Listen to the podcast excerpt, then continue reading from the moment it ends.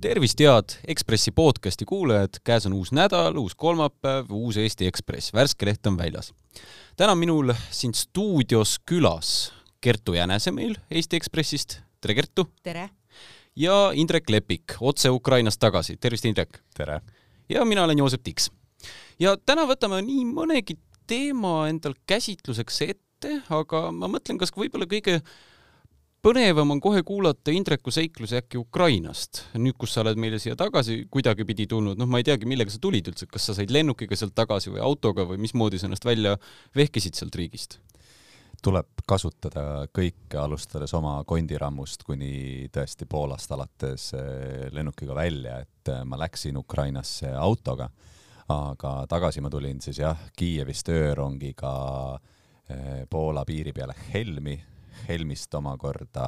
rongiga Varssavisse ja Varssavist siis äh, juba rahvusvahelise lennuga Tallinnasse ühtekokku kakskümmend kaheksa tundi. issand jumal, terve päev läks rännaku peale siis, jah? jah, terve ööpäev lausa, et see öörong oli äh, väga huvitav äh, kogemus, et et äh, ma jõudsin, äh, pidin jõudma raudteejaama enne komandanditundi, sellepärast et mu rong läks välja alles kell üksteist õhtul, aga komandanditund hakkab juba kella kümnest ja siis ma istusin seal äh, pimedas raudteejaamas. pime on sellepärast, et keegi ei pommitaks ja rong on pime ja siis kupees on topeltruloo ees, et valgust ka välja ei paistaks ja siis rong jääb öösel vahepeal kuskil kohtades seisma ja siis sa mõtled, et huvitav, miks ja. kas see on pommitamise ohu pärast? Eks seal mingid ohud on jah, sest et seda me ju teame, et venelased on hoolega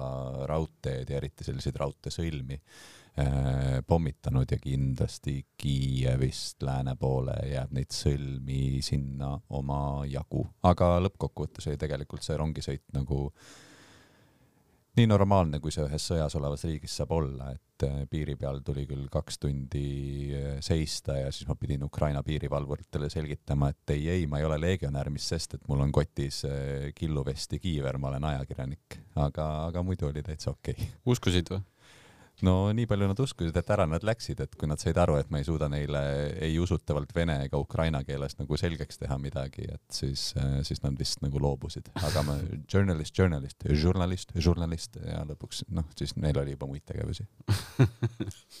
ma mõtlen, noh, sa ka kirjutasid ja kajastasid meile Ekspressi siin seal Kiievis toimuvat, aga huvitav, mis hetkel see sõda jõuab sinna staadiumisse, kus me kõik tajume, et nagu sa ka oma loos Ekspressis kirjutad, et nii nagu kahe tuhande neljateistkümnendal aastal, et Kiievis äh,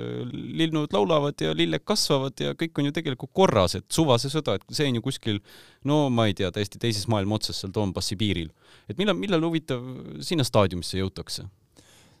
No selle eeldus oleks see, et see sõda jääb kuidagi vinduma või et tekivad mingid külmutatud konfliktid, et äh, ma arvan, et läänemaailma jaoks peamine stsenaarium on praegu ikkagi see, et Ukraina suudab kogu oma territooriumi äh, vabastada, aga sul on õigus Kiievis olles Äh, mul isegi oli mõne sõbraga äh, vestlusi umbes sellise nurga alt, et kas sa läksid sinna puhkama, sellepärast et äh, pildid ja jutud, mida ma sealt saatsin, oli see, et istun siin pargis, lilled kasvavad, kõik on ilus, istun siin baaris, õlut saab juua, istun siin Krimmi-Tatari restoranis, väga maitsvad road, et tegelikult kui seal Kiievis kohapeal olla. et sama hästi oleks võinud Tartusse minna ju? peaaegu jah, et, et, et noh, Tartus muidugi õhuhäiresignaale või neid mis see see sireene, et mm -hmm. neid ei, neid ei äh, kuule muidugi ja väga hea, et ei kuule seda. ma arvan, et seda heli ei peakski ükski inimene kuulma, sest et see on üks ülirõve heli, eriti mida öösel kell kaks näiteks kuulda. aga kurblooline on see, et selle karjub ära noh, ütleme, kui nüüd seis ongi selline, et kõik harjuvad selle olukorraga ära seal, et sõjast on natuke ükskõik inimestel, noh, ega me tunneme ju meedias ka, et hakkame ära väsima ja kaua sa neid lugusid loed ja nii edasi ja eks see on vist lugejanumbrites ka näha, et vaikselt see ütleme, huvi võib-olla vaibub ja tahetakse natukenegi välja sellest sõjafoonist. et kas, kas see mõjutab kuidagi ka ütleme nagu tulevasi otsuseid Euroopas sellega, et, et tahetakse võimalikult kiiresti äkki rahuni jõuda, tahetakse ära lõpetada see värk, et saaksime eluga edasi minna? see oht on alati Euroopas olemas ja sellepärast on ka selle nädala Ekspressi juhtkiri, mille autoriks olen mina, on see, et enne peab olema normaalne Ukrainas, kui eurooplastel saab normaalne olla, et tegelikult see, et Kiievis saab normaalselt elada või Lvivis saab normaalselt elada, kuigi Lviv on siin ka jälle hiljuti saanud raketiga pihta. see on tegelikult hädavajalik, see normaalsus ongi vajalik selleks, et inimesed suudaksid selle sõjaga hakkama saada, et inimesed ei saa istuda kuude kaupa kuskil keldris, vaid see, et nad saavad minna õlut jooma ja pargis värsket õhku nautides, on hädavajalik selleks, et ka ukrainlased suudaksid edasi sõdida. nüüd ongi lihtsalt oluline see, et äh, ma arvan, et võib-olla Eesti kuulajale või üldse valdavale osale Ida-Euroopast, vähemasti sellele, mis siia põhja poole jääb, ei pea selgitama, kui oluline on see, et Ukraina saaks vabaks. aga ma arvan, et eh, mida kuud edasi, seda rohkem peavad meie diplomaadid nägema vaeva, et seda selgitada ka sakslastele, prantslastele, itaallastele, hollandlastele. et eh, see on oluline, et see rahu saab tulla Ukraina tingimustel ja praegu on selleks tingimuseks ikkagi Ukraina territooriumi vabastamine okupatsioonivägedest kas siin natuke kummaline närv murdub siis, et, et kas Venemaa ise üks hetk ütleb, et me ei jaksa lihtsalt rohkem, et äh, laske meid siit sõjast vabaks ja nii edasi, hakkavad äh, rahu nuruma? Või murdub siis ütleme Berliinis ja Brü äh, Brüsselis ja Pariisis see närv, et nemad ei jaksa rohkem ja nad tahavad ka kuulata Putinit ja tema mõistlikke argumente nii-öelda ja siis võib-olla Zelenskit selja tagant surkida, et, et kuule, et mees, võta nüüd asja mõistlikult, et Venemaa tahab ka ikkagi rahu ja äkki leiab mingi kokkuleppe kuskil. no siin aitab meid avalik arvamus, et äh, kõigis neis eelmainitud riikides ja, ja, ja rääkimata siin teistest riikidest ja võtame kasvõi Soome ja Rootsi NATO-ga liitumised, avalik arvamus on see, mis on pöördunud Venemaa vastu ja kõige hullem, ütleme, avalikku, ütleme eh,, ma nüüd lähenen nagu küüniliselt asjale, aga, aga olukord on ka selline, kus äh, praegu on ikkagi põhimõtteliselt selge, et see Butša massihauad ei jää kaugelt kõige hullemaks asjaks, mida me sellest sõjast veel teada saame. ja see on asi, mis avalikkuses hoiab seda teemat tegelikult üleval. ja mulle küll praegu tundub, et Euroopa avalik arvamus on selgelt pöördunud ja siis ongi valija see, kes ütleb oma valitsejale, et me teeme nüüd nii, et praegu me näeme ikkagi väga palju Euroopa samme on lähtunud tegelikult sellest, et valija nõuab talt seda ja see on väga hea ma ei tea muidugi, kas see midagi indikeerib, natukene hüppan äh, võib-olla sellest äh, sõjast kui sellisest eemale, nädalavahetusel oli Eurovisioon. Ma tean, et kumbki teist ei vaadanud seda, onju? ei vaadanud. Indrek ka vist ei vaadanud, sa olid Kiievis tol hetkel. ei, siis sa olid Eestis juba, kuulasid Lennart Meri konverentsil kõnesid hoopis. jah, see oli rohkem minu maitse järgi üritus aga vot seal Eurovisioonil ka ikkagi Ukraina ju tuli päris kõva võiduga tuli välja, et, et seal see alguses olla, olla ajalooline võit punktisaagi mõttes. aga oli ka täiesti ette teada, ma saan aru. aga mina vaatasin, seltskonnaga vaatasime, ma ei tea, ma ei ole vist kakskümmend aastat vaadanud seda Eurovisiooni, aga siis vaatasime ja nüüd on see süsteem on selline, et alguses annab žürii hääli. Ja siis siin Eesti žürii, ma saan aru, sai ka puid väga palju selle eest alla, et nad ei andnud ühtegi häält Ukrainale. Ja siis oli, kui žüriid olid üle Euroopa hääled ära andnud, mis see seis oli, kas ma mäletan, äkki Ukraina oli seal võib-olla neljandal kohal või kolmandal või kuskil, ta ei olnud esimene. Ja ma mõtlesin, et kas tõesti? Kas tõesti tuleb see, et, et Ukrainale saab niisugune pauk, et mingisugune, ma ei tea, suvaline Inglismaa võidab näiteks või? ma millegipärast usun, et äh, ka žürii teadis seda ette, et kui läheb rahvahääletuseks äh,, et siis äh, sealt tulevad need hääled kokku mm. -hmm. et andsid niikuinii nagu hinnates muid kriteeriume ära, et no ja. las teised saavad ka midagi. meie hindame muusikat mm -hmm. ja küll teised hindavad muude, muude asjade pinnalt. kuigi melomaanina ma ütleks, et ega see lugu oli nagu äge, et selles mõttes kindlasti ei pidanud andma neile mingit lohutusauhinda, et, et selles mõttes täitsa nagu objektiivselt võiks ka öelda, et Ukraina vääris seda võitu, tõsi, ega ma väga palju neid teisi lugusid ei ole kuulnud, aga noh, ma olen elu jooksul Eurovisiooni piisavalt palju vaadanud, et, et selles mõttes sellises Eurovisiooni kontekstis oli tegu täitsa nagu ägeda loo ja lavashow'ga, et, et selles mõttes jah, ega Eurovisioon, Eurovisioon on alati poliitika ja.... on, on, ma olen sellega täitsa nõus ja vaata, aga, aga paljud hästi palju kritiseerivad ka eriti nüüd Ukraina val-, selle võidu valguses, et see on ju nii poliitiline, mul ei ole mõtet vaadata, on ju, seda ja nii edasi no esiteks see laul minu arust võib-olla nagu, kui ei oleks Ukrainas sõda, oleks ka võinud sinna kuhugi täitsa nagu tipu poole jõuda. Äh, aga teine asi on ju see, et kui see Eurovisioon, ütleme, et oleks ette määratud poliitiline, üks annab alati ühtedele riikidele, teine alati teistele riikidele, et siis meil oleks ju suht-koht iga aasta üks sama riik, mis võidaks. et need hääled ju ikkagi äh, jaotuvad äh, lõpuks ikkagi selle järgi, et mingisugune laul, noh, okei okay,, alguses võib-olla mingist, mingi taseme saab ära selle poliitilisena, et Eesti annab Soomele, Soome annab Eestile, onju, aga mingi hetk ikkagi ju murtakse see põrand katki ja, ja mingi riik seal peab võitma või mingi laul peab, seal võitma. aga räägiks äh, Liina Kersnast nüüd Eurovisiooni jätkuks. meil andis lehes, andis Liina Kersna pika intervjuu ja hästi palju on sellist äh, poliitilist äh, tolmu selle ümber, et kas see, et ta nüüd need mingid kiirtestid, ma isegi ei mäleta, millal see oli, tundub nii ammu aega tagasi, justkui et eelmine sajand, aga et kas need kiirtestid, mis ta nüüd siis äh, ostis üks hetk seal Haridusministeeriumis, et kas see oli nüüd noh, ma ei tea, selline poliitiline valekäik, et ta üldse seal tead konkursiga eriti nagu midagi ei teinud ja kähku tellis ära ja kuidagi rahmeldas või see oli selline üllas äh, äh, vajalik samm, et kähku koolidesse saada kiirtestid, et distantsõppele ei mindaks, onju. et Liina Kersna ise jätab või noh, mõjub selles intervjuus minu arust küll väga sellise no kuidas nüüd öelda, heas mõttes sõjaka ja võitlusvaimul, võitlusvaimu täis, et, et oli vaja ära teha see kiirtestide värk ma arvan ka, et äh, pigem kui on need kaks valikut, mis sa küsid, et äh, siis ma vastaks, et äh, pigem see oli üll, üllas samm, sellepärast et lapsevanem, lapsevanemana ma tean väga hästi, mis distantsõpe tähendab. Ja ta tegelikult Hannes Rummile antud intervjuus põhjendab ka selle väga veenvalt lahti, et miks ta selle otsuse tegi, et ta ju teadis neid riske et pärast hakatakse turja selle eest, selle hanke eest, aga ta otsustas selle lihtsalt sellepärast ära teha, et teades, millised määratult hullemad tagajärjed on sellel, kui me oleks läinud kolmandat korda lausalisele distantsõppele no tema ütleb ka, et tema otsus mõjutas sada seitsekümmend tuhandet last, mis on Just. metsik kogus lapsi ju, et ja. muidu nad oleks maha jäänud ja noh, see aasta helbiksime umbes äh, selle tegemata töö vilju ei no eks see vastab ju tõele, et riigi rahaga tuleb käia vastutustundlikult ringi, aga jah, selle kohta on inglise keeles ütlemine, eks ole, et damned if you, if you do ja damned if you don't, et, et lõppkokkuvõttes oleks jäänud tegemata, jah, see tagajärg oleks võinud olla ka nagu äh, rängem, et äh, raske on, raske on nagu öelda, et siin on otseselt ja me jõuame veel ühel teisel teemal rääkida, kus see eh, avaliku raha kasutamine märksa kahtlasem on, aga, aga, aga raske on ju öelda, et et nüüd tingimata kellelegi see leping nii-öelda pihku mängiti, et, et lõppkokkuvõttes oli küsimus eelkõige kiirustamises ja, ja seekaudu tehtud siis vigades vähemasti nii-öelda kohtuvõimu silmis. Aga ma lisaksin, et äh, ma arvan, et äh, täpselt samamoodi nagu Liina Kersna intervjuus räägib, et äh, ta mitte ei kiirustanud, vaid tal tegelikult ei olnud muud võimalust. Äh,, hakkas äh, koolivaheaja lõpuni olid jäänud loetud päevad, täiesti reaalne oli, et äh, üle Eesti tuleb jälle lausaline, lausaline distantsõpe, et äh, kui ta ei oleks seda otsust teinud, siis olekski tulnud see distantsõpe. Aga kas üldse saab olla nagu sellist momenti, kus see õigustab kuidagi sellist juriidilist halli ala või nagu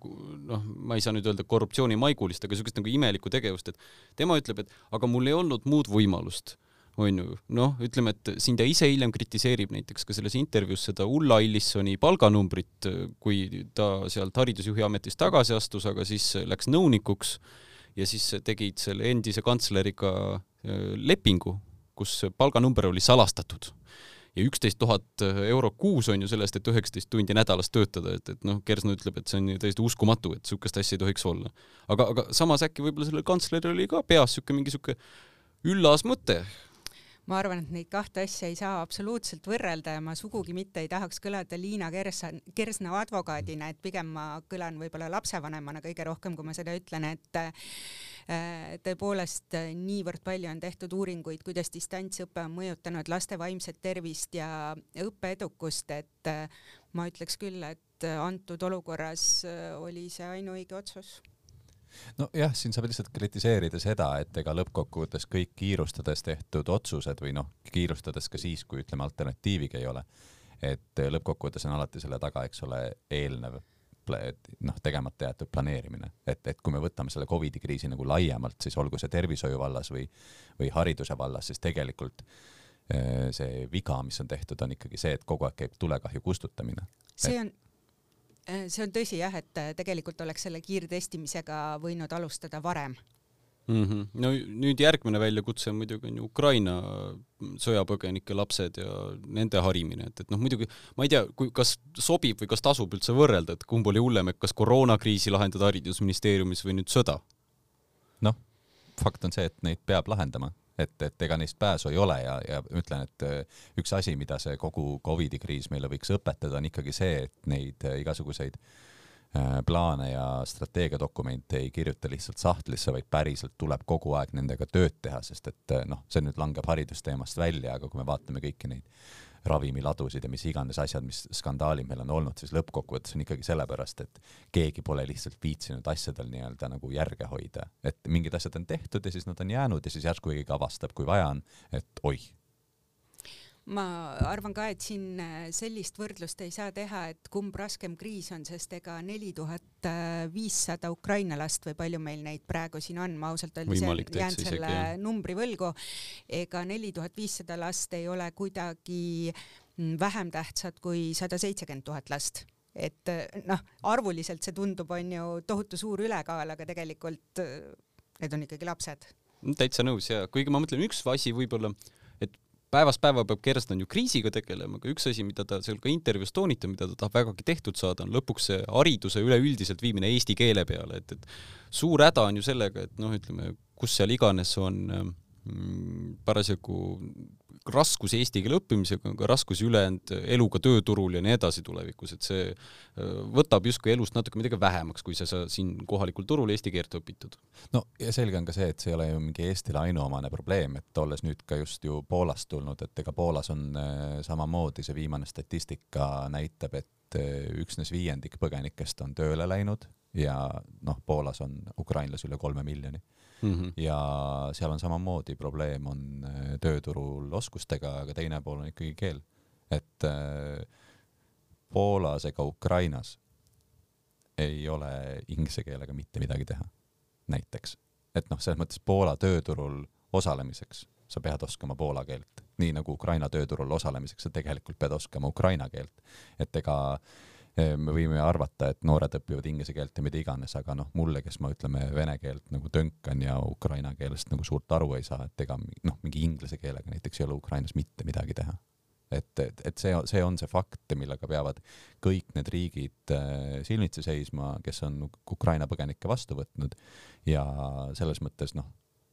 tulebki endale mõnes mõttes aru anda, et vigu tehakse niikuinii, et, et võib-olla jah, sellest ka ähm, noh, tuleb lihtsalt õppida, tuleb õppida olema valmis uuteks kriisideks, et ma arvan, et see on see, mida sellest kõigest nagu kaasa võtta.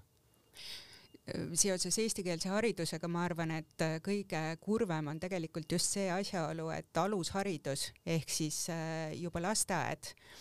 äh, kui me seal äh, ei kasuta seda võimalust ära, kus lapsed on nagu švammid, kes võtavad keelt külge niivõrd lihtsalt mhm. mängides mm, -hmm. et kui me juba nagu selle hetke maha äh,, maha magame, et siis vot see on küll nagu tundub väga-väga rumal.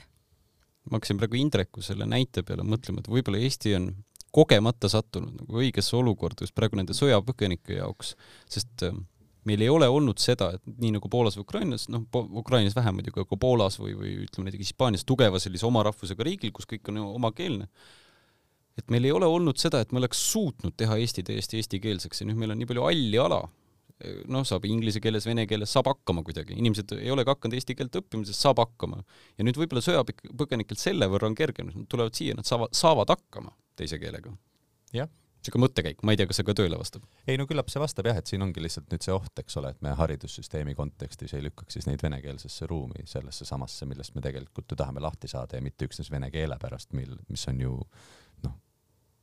keel, keel nagu keel ikka, kultuurkeel, aga lihtsalt jah, kõik see, mis sellega kaasas käib, aga noh, see on juba täitsa omaette teema niikuinii sellest tuleb kindlasti tulevikus palju kuumad vaidlused, onju. aga siin rääkisime enne korruptsioonist, võib-olla tahaks natuke rääkida järgmisest ju meie Ekspressi loost, Tallinna Transpordiametist, kindlasti paljud on nende ilusate roheliste bussidega on ju sõitnud.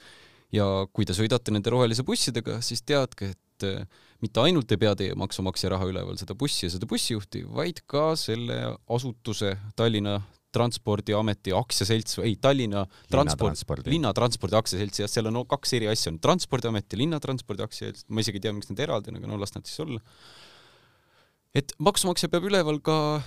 kümnetesse tuhandetesse eurodesse ulatuvaid koolituskulusid nii-öelda, kus Deniss Boroditš käib Riias õppimas, mis see siis, vaatan kahe aasta peale kokku on õppekulu olnud kolmkümmend viis tuhat eurot ja siis lisaks veel hotellid ja transport kinni maksta. ja siis tal on sõber on ka seal juhatuses tööl ja sõber saab täpselt, üks poppel.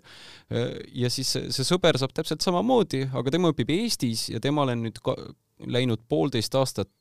täiendharidust, mis ta on saanud Estonian Business Schoolis maksma läinud siis maksumaksjale kakskümmend tuhat eurot, kakskümmend, kakskümmend tuhat nelisada eurot, voh, siuksed summad, kujutate ette. Ja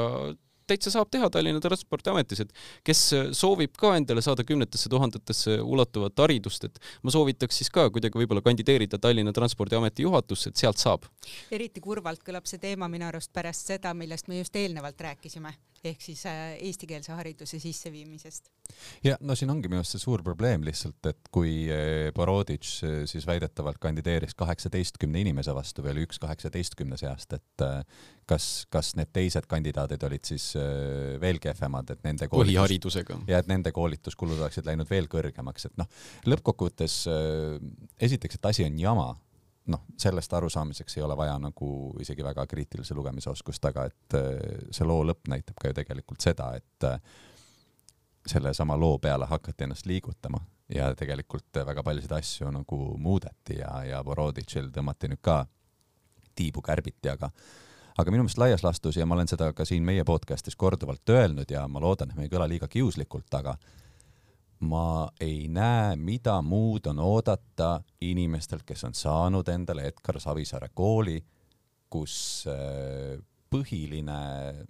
nagu tõdemus ongi see, et linna aparaat on ekspluateerimiseks, et see aparaat, see ongi see, et sa said nüüd piruka juurde ja nüüd sa hakkad seda lõikuma oma sõpradele, et selles mõttes ma ei ole absoluutselt üllatunud. kõik need endised savisaarlased käituvadki täpselt niimoodi ja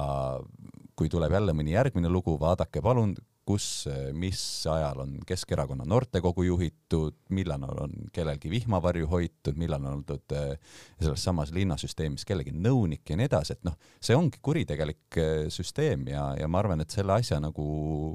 puhtaks rookimine võtab veel aastakümneid. ja Boroditši puhul on ju eriti huvitav see, et ta ju, ta ju oli ära vahepeal sellest keskerakondlikust süsteemist, aga nii nagu mitmedki teised, noh, olgu siis siin see Rainer Vakra või olgu siis Mart Luik, kes on kuidagi nagu sinna linnaasutusse tagasi tõmmatud, ise nad räägivad, et ei, see ei ole kuidagi poliitiline, ma lihtsalt teen tööd siin, onju. no me näeme Boroditši pealt, missugune see ma lihtsalt teen tööd siis on, onju, et, et esiteks tõmmati ta Reformierakonnast ära, on ju, Tallinna süsteemi, ei, ta ei pea kuhugi erakonda astuma ega nii edasi, lihtsalt peaasi, et ta on ju oponentide nimekirjas ei kandideeriks.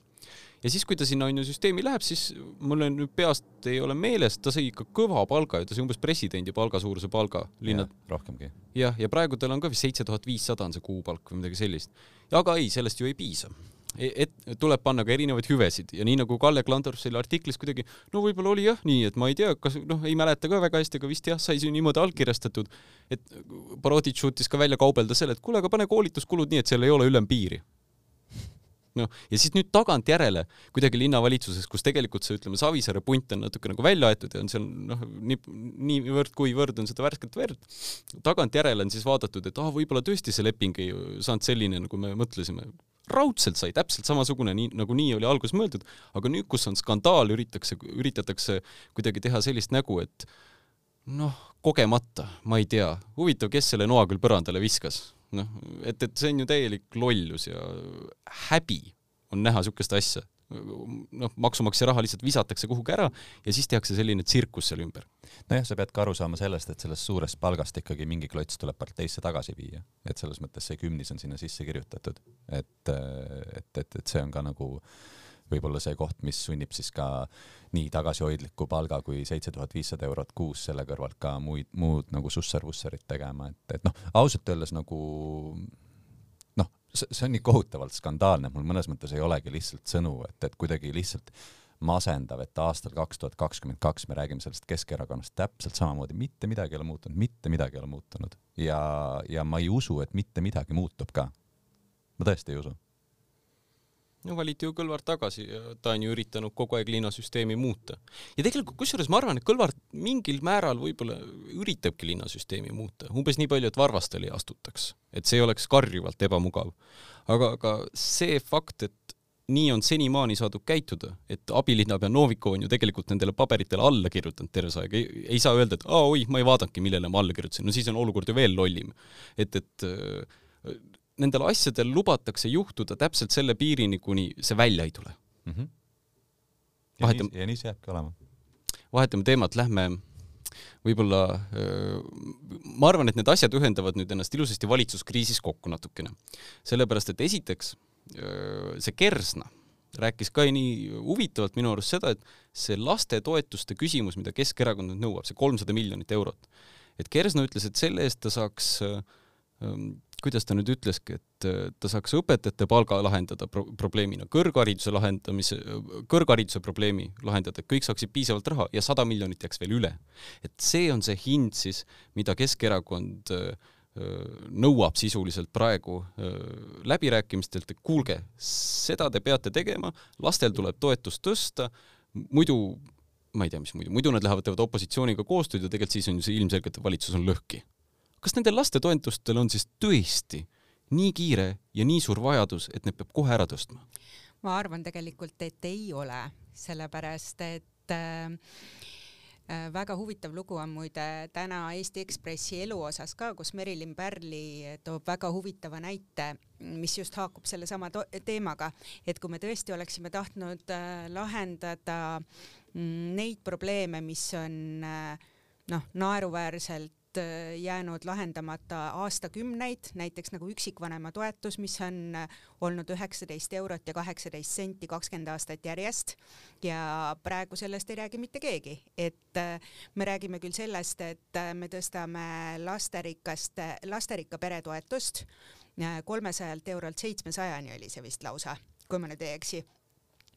Ja samas siis äh, üksikvanema toetus on endiselt üheksateist eurot ja kaheksateist senti ja kummal see vajadus huvitav suurem on? jah, ja see on veel eriti huvitav, et millegipärast nagu avalikus kuvandis on vaesusriskis justkui lasterikkad pered, aga samas äh, mm, andmed näitavad risti vastupidist, et suhtelises vaesuses ja vaesuses elavad tegelikult üksikvanematega pered ehk siis, et need, kes seda väga-väga vajaksid, nendest me millegipärast üldse ei räägi ja mulle tegelikult meeldis, Joosep, kuidas sa ütlesid väga tabavalt, enne kui me lobisesime siin äh, niisama, et äh, loomulikult, et äh, Mm, kuidagi, kui me seisame pereväärtuste eest, et kuidas me siis kogu aeg nagu räägime, et meil on nüüd üksikvanemaid äkki vaja toetada või kuidas see oligi, midagi sellist sa ütlesid? palju mõnusamalt ju kõlab see, et suur pere, ema, isa, kõik nemad tahavad, sa saad panna lausa sellise nagu ägeda valimisreklaami, et sul on seitse last, valge koer ja ema ja isa ja muruplats ning kõik on nii rõõmsad. aga mõtle, pane see üksikvanem, see kõlab ju nii kuidagi negatiivselt ja nukralt alati ja noh, ei ole poliitiliselt nii populaarne teema mm. -hmm. ja, ja noh, ega siin on selles mõttes raske olukord, et äh, kui sa vaidled sellele vastu, siis on justkui see, et aga kas sa ei taha, et peresid toetatakse. et, et, et siin ongi nagu selle suure raha jagamise mure selles, et äh, ega sisuliselt me ju vaidleme praegu selle üle, kuidas neid asju tehakse, mitte niivõrd selle üle, mida tehakse, et eh, kui me vaatame ka Reformierakonna positsiooni, siis neist teemadest on ju tegelikult räägitud lihtsalt sellel eeldusel, et eh, nad võetakse siis sügisel, kui eelarvet koostatakse, võetakse nii-öelda aluseks ja siis vaadatakse, kust on need katteallikad, sest me peame endale aru andma sellest, et kolmsada miljonit ei ole ühekordne kulutus, see on nüüd iga-aastane kulutus ja sellele kolmesajale miljonile peab siis midagi muud nagu asemele tulema katteks. ja ma ei näe, et Keskerakond läheks järgmine aasta valimistele sõnumiga, et äh, tõstame makse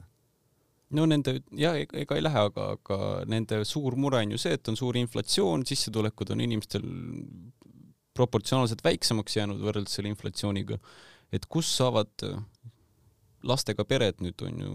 toime tulla, kuidas see küll võimalik on? ma tahtsin tegelikult öelda vahele veel seda, et äh, andmed näitavad, et äh, pärast seda, kui tuli see lasterikka pere toetus äh, alates kolmandast lapsest mida nüüd siis tahetakse hüppeliselt tõsta kolmesajalt eurolt seitsmesajale, siis hakkas kolmandaid ja eriti neljandaid lapsi palju rohkem sündima. ehk siis, et see juba natuke nagu näitab seda, et võib-olla need, kes olid kahe vahel, äh, tundsid ennast nagu natuke turvalisemalt. ühesõnaga, et äh, nendel lastetoetustel praegu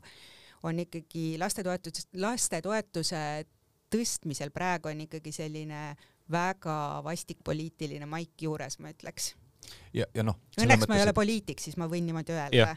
ja, ja noh, selles mõttes ju ega, ega lõppkokkuvõttes meil ongi oluline, et meil oleks järelkasvu, Eestil on demograafiline olukord selline nagu meie saatusekaaslatel Ida-Euroopas niikuinii, eks ole, tõsi, meil on nüüd positiivne rändesaldo ja tegelikult meie rahvaarv nii-öelda aktiivselt ei vähene et, et, et siin ongi jah, nagu raske nagu vaielda just selle suhtes, et, et noh, et peresid tulebki toetada, lapsi tuleb ka toetada, aga lihtsalt see sihuke nagu küüniline oportunism mis siit välja paistab, et, et, et see on nagu see olukord, mis, mis ju tegelikult ka neid pingeid valitsuses äh, tekitab ja ütleme, kui me jätame kõrvale selle, et mille peale see kolmsada miljonit eurot läheb, siis mind lihtsalt kõige rohkem häirib see, et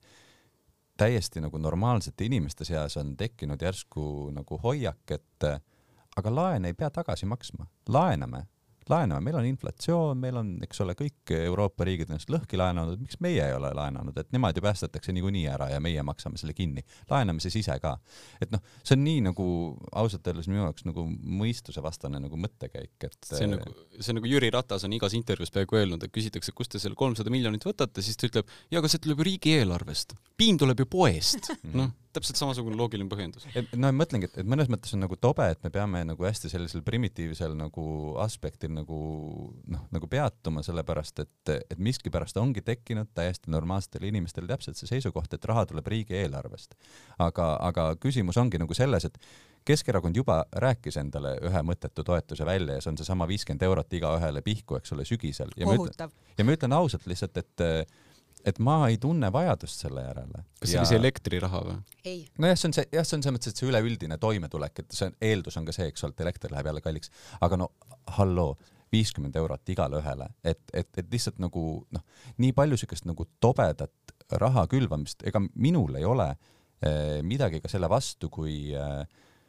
kui, kui ka realiseeruks, eks ole, Keskerakonna ammune soov, et Eestis on astmeline tulumaks ja, ja mingilt tuluastmelt, eks ole, sa maksad kõrgemat maksumäära. minu meelest on normaalne, et aina rikkam ühiskond on solidaarne ja aitab neid, keda on vaja, ma olen nõus maksma rohkem makse oma palga pealt, aga lihtsalt teeme siis seda nii, et sellest ka nagu abi oleks. et iga lihtsalt... lisakulutusega oleks ka kate olemas. jah, sest et noh, vastasel juhul ongi lihtsalt see, et, et me teeme nagu ühe mingi siukse erakorralise sammuna selle asja ära ja siis nüüd me hiljem peame hakkama nagu mõtlema, et aga kuidas me siis seda nagu päriselt, päriselt äh, rahastame ja, ja kui vastus on, et tõstame makse, siis, siis tõstame, aga öelge siis ausalt ära, et, et, et peame diskussiooni selle üle, aga muidugi ma saan aru, et valimisaastal ei taha keegi tulla lausega, et tõstame makse olukorras, kus elu on niigi kallimaks läinud. võin ma teile ühe loo rääkida, et ma korra hakkasin mõtlema siin selle mm, peretoetuste ja asjade peale, et ma rääkisin ükspäev just ühe oma sõbrantsiga ja tal oli, suur mure oli see, et ähm, tal on, no ütleme, see bioloogiline kell tiksub juba nii kaugele, et last oleks äh, õige teha, et, et varsti on natuke juba hilja. aga tema suur mure on see, et, et äh, tal ei ole tegelikult seda nagu finantsilist stabiilsust elus. tal on küll kutt on olemas, korter on üüril ja need äh, säästud, mis neil olid kogutud, et osta kort-, endale korter, et need nagu sisuliselt põlesid ära koroona ajal, sest kutt jäi tööst ilma, onju, ja siis äh, kuskilt siit-sealt vaatasid juhuslikult ja kasutasid oma sääste selle jaoks, et elus olla. Ja praegu on ka noh, sisuliselt see inflatsioon on ära söönud, et ega sa enam selle raha eest, mis neli aastat tagasi enam korterit ei hakka ju ostma, et ja, ja kõik võimalused on ka kuidagi nagu lörri läinud, et oli nagu variant, et saavad kuskil maad onju oma öö, selle kuti isa käest, aga ei saanud ikkagi ja kuskilt nagu perekonnas ka ei tule seda vajalikku toetust ja, ja kui see nii edasi läheb, see laps jääbki tegemata. et mulle tundub, et me oleme liiga palju rõhku võib-olla pannud kolmandate laste tegemisele ja seitsmendate ja sajandate, aga see esimese lapse küsimus. absoluutselt ja ma arvan, et äh, ühe lapse vanemad teavad seda väga hästi, et äh, noh, põhimõtteliselt kui sul on üks laps, siis nagu ei olekski last, et kõik soodustused ja asjad algavad tegelikult ikkagi alates teisest, kolmandast lapsest, et noh, see üks laps on selline no võta kass. jah, aga